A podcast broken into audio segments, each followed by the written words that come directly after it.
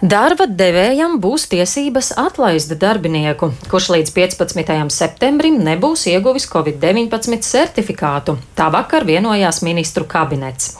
Tāpat nolemts, ka vakcinēšanās būs obligāta prasība ārstniecības, sociālās aprūpes, izglītības un citās iestādēs. Kā ar vakcināciju saistītajos jautājumos sokas darba ņēmējiem un darba devējiem vai nepieaug sūdzību skaits, Par šo tēmatu un arī par negadījumu statistiku darba vietās šorīt sarunāšos ar Valsts darba inspekcijas direktoru vietnieci Andru Auziņu. Labrīt! Labrīt! Labrīt, Auziņas kundzei. Viņa šorīt ir klātienē mūsu studijā. Abas esam ar Covid-19 certifikātiem, un Latvijas radio nodrošina visas epidemioloģiskās drošības prasības. Sākšu ar aktuālo, ar valdības vakardienas lēmumu. Ko jūs sakāt par to, ka atsevišķām profesijām šī vakcinēšanās būs obligāta prasība? Vai nevarētu sākties darba ņēmēju protesti? Mm, eh, vakcinācija, ja pareizāk sakot, eh, šī certifikāta esamība, ko var iegūt arī pārslimojot vai testējoties, kā obligāta prasība pakalpojumu sniegšanai vai noteiktu darbu veikšanai, eh, noteikti ir epidemioloģiski pamatota, jo pretējā gadījumā šāda prasība netiktu izvirzīta. Tas, kā uz to raugās valsts darba inspekcija, mm, es teiktu tā, ka Protams, lēmums, galīgais lēmums vēl nav pieņemts. Eh, veselai virknei ministrija ir uzdots vērtēt šo jautājumu no dažādiem aspektiem. Es ticu, ka jautājums tiks izvērtēts vispusīgi, tā skaitā arī no šī cilvēktiesību ievērošanas viedokļa. Eh, noteikti tiks paredzēti dažādi tiesiski eh, instrumenti, kā rīkoties darba devējam gadījumos, kad nodarbinātais atsakās vakcinēties vai, piemēram, nevar vakcinēties. Un gala beigās noteikti ir jāsaprot vēl tā viena lieta, ka darba tiesisko attiecību uzteikums vispār darba tiesībās ir tas galējais, galējais um, instruments, ko izmantot. Uh, vienmēr vispirms tiek vērtēts, vai nav iespējams izmainīt darba organizāciju. Piemēram, pedagoģi nu, skolās un, un izglītībā. Mēs jau šobrīd redzējām, iepriekšējā periodā, ka notiek šīs attālinātās mācības. Tas ir viens no, viena no iespējām. Tāpatās, ja mēs ne, nevaram atrast darba organizācijā kādas iespējas kaut ko mainīt, pastāv iespēja pārcelt darbinieku citā amatā. Eh, protams, ar to vieno, ar darbinieku vienojoties, nu, ja nu nekādi nevar Eh, risināt šo jautājumu, tad, kā jau es teicu, uzteikums tā, tas ir, pēdēj, tas ir pēdējais, ko var piemērot. Un, un es domāju, ka noteikti šī kārtība tiks iestrādāta normatīvajā regulējumā, vai darbinieki būs neapmierināti. Droši vien jā, bet to mēs redzēsim nākotnē.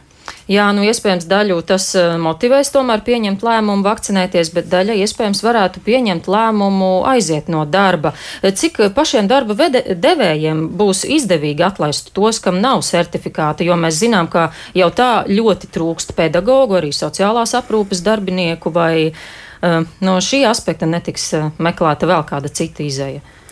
Eh, man ir ļoti grūti šo jautājumu komentēt, bet, eh, protams, mēs zinām, kā ir nu, atsevišķās nozarēs ir nodarbināto trūkums. Tāpēc jau es teicu, ka visticamāk ar šo faktoru pieņemot lēmumus, eh, valdība rēķināsies un tiks izstrādāti mehānismi, kā, kā, kā to darīt. Jo nu, nevar mums, protams, skolas palikt bez, bez pedagogiem. Mm -hmm. Piemēram. Kā līdz eh, šim jūs esat saskārušies, cik daudzi darba ņēmēji sūdzas un vēršas eh, darba inspekcijā ar jautājumiem vai sūdzībām saistībā tieši ar vakcināciju? Es teiktu tā, ka kopējā, kopējais sniegto konsultāciju teiksim, un sūdzību skaits eh, mums pēdējo, pēdējā pusgada laikā nav pieaudzis.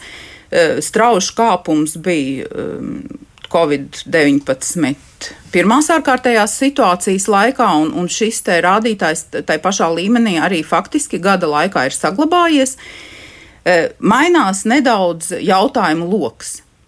Un, jā, vakcinācija šobrīd ir viens no aktuālajiem jautājumiem.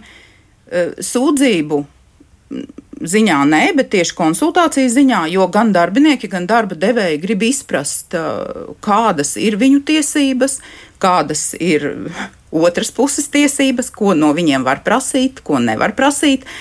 Un šajā ziņā mums jautājumi tiek uzdoti. Bet, teiksim, tādi lieli, ka mēs redzētu, ka ir kādi lieli konflikti tā visa pamatā, nē, šobrīd tādas situācija nav. Proti, nevar teikt, ka ir tādi darba devēji, kas uzspiež vakcinēties.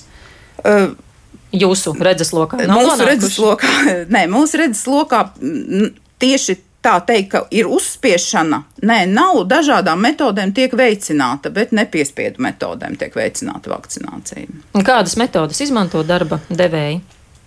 Uh, mēs jau esam arī konsultējuši un snieguši informāciju, ka mēs saskatām, ka ir iespējams piešķirt uh, atlīdzību, kas ir saistībā ar darbu, bet nav darba samaksa.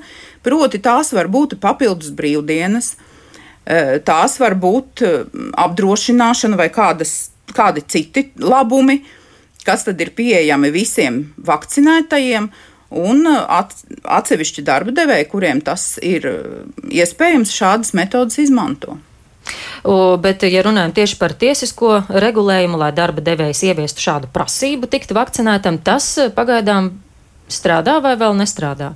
Nu, šobrīd tiesiskā regulējuma, kā darba devējs varētu prasīt obligātu vakcināciju, ne, tādas, tāda regulējuma nav. Un uh, pēc šī valdības vakardienas lēmuma vai nākotnē tā tad uh, uz to varēs kaut ko tādu ieviest?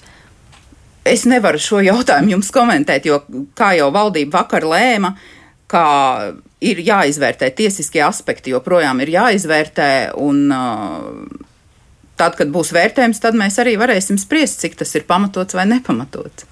Jā, nu, vakcinācija katrā ziņā būs jautājums uh, svarīgs un aktuāls darba ņēmējiem, darba devējiem, bet uh, otrs uh, temats, tātad, par ko vēlos šorīt jums vaicāt, ir darba drošība. Kāda ir šobrīd aktuālā situācija ar to un statistika? Jāsaka, ka, diemžēl, mm, statistika darba drošības ziņā nav iepriecinoša ja mēs runājam par tādu nelaimes gadījumiem darbā, eh, kopējais skaits gan nav pieaudzis. Eh, pat ir nedaudz krities salīdzinājumā ar pagājušo gadu, un arī pagājušā gadā bija strauji eh, kritums. Bet tas, kas satrauc valsts darba inspekciju, noteikti ir tas, ka ļoti daudz, nu, ne, nevar teikt, ka ļoti daudz, bet faktiski ir pieaudzis to nelaimes gadījumu darbā skaits, kuru rezultātā ir smagi veselības traucējumi, vai pat ir iestājusies cietušā nāve. Un šis jautājums mūs satrauc. Diemžēl jāsaka, ka šajā jomā nu, pēdējos gados varbūt tikai mainot vietas tādā negatīvā topā, dominē visu laiku viens un tās pašas nozars. Un proti, tā ir apstrādes rūpniecība, transports, uzglabāšana, būvniecība. Uh, kurās darbs, nu jā, darbs faktiski netika pārtraukts. Nu, skaidrojums ir tā, ka tomēr um, ļoti liels procents visu šo notikumu, uh, ko, kā liecina mūsu statistika, ir um, darbinieku neuzmanība, varbūt darbinieku kvalifikācijas eh, nepietiekamība. Un, jo lielākā daļa nelaimes gadījumu darbā notiek ar darbiniekiem, kuriem ir ļoti neliela pieredze konkrētajā amatā vai profesijā. Un uh, nākamie ir tie jau, kuriem ir ļoti lielas pieredzes, kuri savukārt, kā mums šķiet, Eh, ir kļuvuši pārgalvīgi savā ziņā, neievērotās pamatprasības, kas ir jāievēro darbiniekam. Ir arī tam visam otra puse, protams, eh, ir arī darba devēju pienākumi, kas nevienmēr tiek pildīti. Un jāsaka, gan, ka šeit parasti ir tās vissmagākās sekas, jā, jo uh, ja iekārtas vai darba rīki, ar kuriem jānodrošina darba devējam, vai individuāli aizsardzības līdzekļi, kā arī kolektīvi aizsardzības līdzekļi nav nodrošināti, tad tās sekas var būt ļoti smagas, kā piemēram mm. kritieni no augstuma un, un, un, un, un jā, ievilkšana iekārtās. Nu, jā, nu, tie gadījumi, šie piemēri jā. izklausās nepatīkami, bet kā tas ir skaitļos mērāms? Ir kāda statistika konkrēti par šiem gadījumiem? Uh, jā, nu, ja mēs skatāmies salīdzinājumā iepriekšējā gada pirmo pusgadu un šī gada pirmo pusgadu, tad kopējais skaits uh, nelaimes gadījumu darbā, kopējais skaits, kurā ir pilnīgi visi nelaimes gadījumi, kas ir nonākuši mūsu redzeslokā, uh, pagājušajā gadā bija 915, šogad 851. Tā kā jūs redzat, dzirdat, ja, tad tas kritums ir un nav ievērojams, bet ir. Savukārt eh, nelaimes gadījumi ar letālām sekām eh, pagājušo gadu pirmajā pusgadā bija desmit. Un šogad, pirmajā pusgadā, jau ir 12. Šeit gan jāsaka, ka šie smagie Un savukārt eh, smagie pagājušajā gadā bija 81, šogad 93. Nu, tas ir pietiekami liels pieaugums, jo šo nelaimes gadījumu kā tādu ar šādiem veselības traucējumiem nav tas skaits tik liels. Bet eh, nu, šeit jāsaka, ka lielākais eh, letālo un arī smago nelaimes gadījumu darbā skaits ir transporta un uzglabāšanas nozarē. Un jāsaprot, ka šeit ir eh, ceļu satiksmes negadījumi, kuros iet bojā vai gūst traumas darbinieki, autovadītāji. Un, un pārsvarā gadījumu, nu, jāsaka, arī šeit ir pārslodzes darba neskatoties uz arī darba apstākļu, jo mm. cilvēkam ir jāatrodas, teiksim, kabīnē, ilgstoši jāvada autotransports. Darba apstākļus jau iespēju, nodrošina jā. darba devējs. Kā tad pats darba devējs var šo vidi sakārtot? Darba devējiem pirmām kārtām ir jānodrošina, ka darbinieks var izmantot visus viņam paredzētos atpūtas laikus. Protams, braucienos pa Eiropu šos not, šie noteikumi tiek stingrāk kontrolēti. Uh, braucienos varbūt uz citām valstīm mazāk stingri.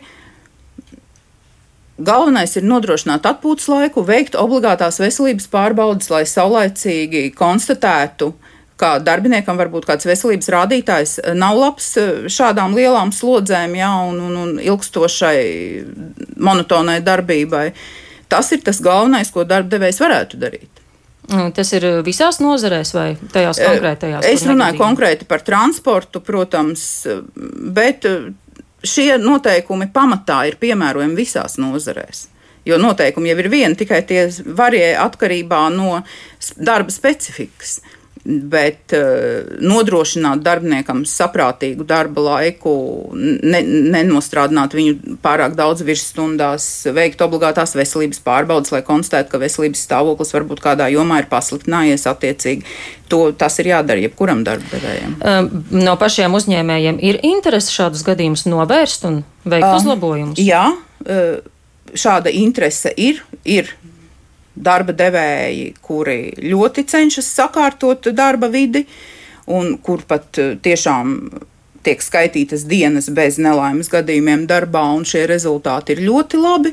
Nu, kā jebkurā citā jomā, arī šeit eh, ir darba devēji, kuriem varbūt darbinieks eh, ir tikai līdzeklis zināma darba izpildē un labumu gūšanai. Tā kā ir ļoti dažādi. Vai darba inspekcija kaut ko arī darīs šajā ziņā un mudinās? Darba devējus?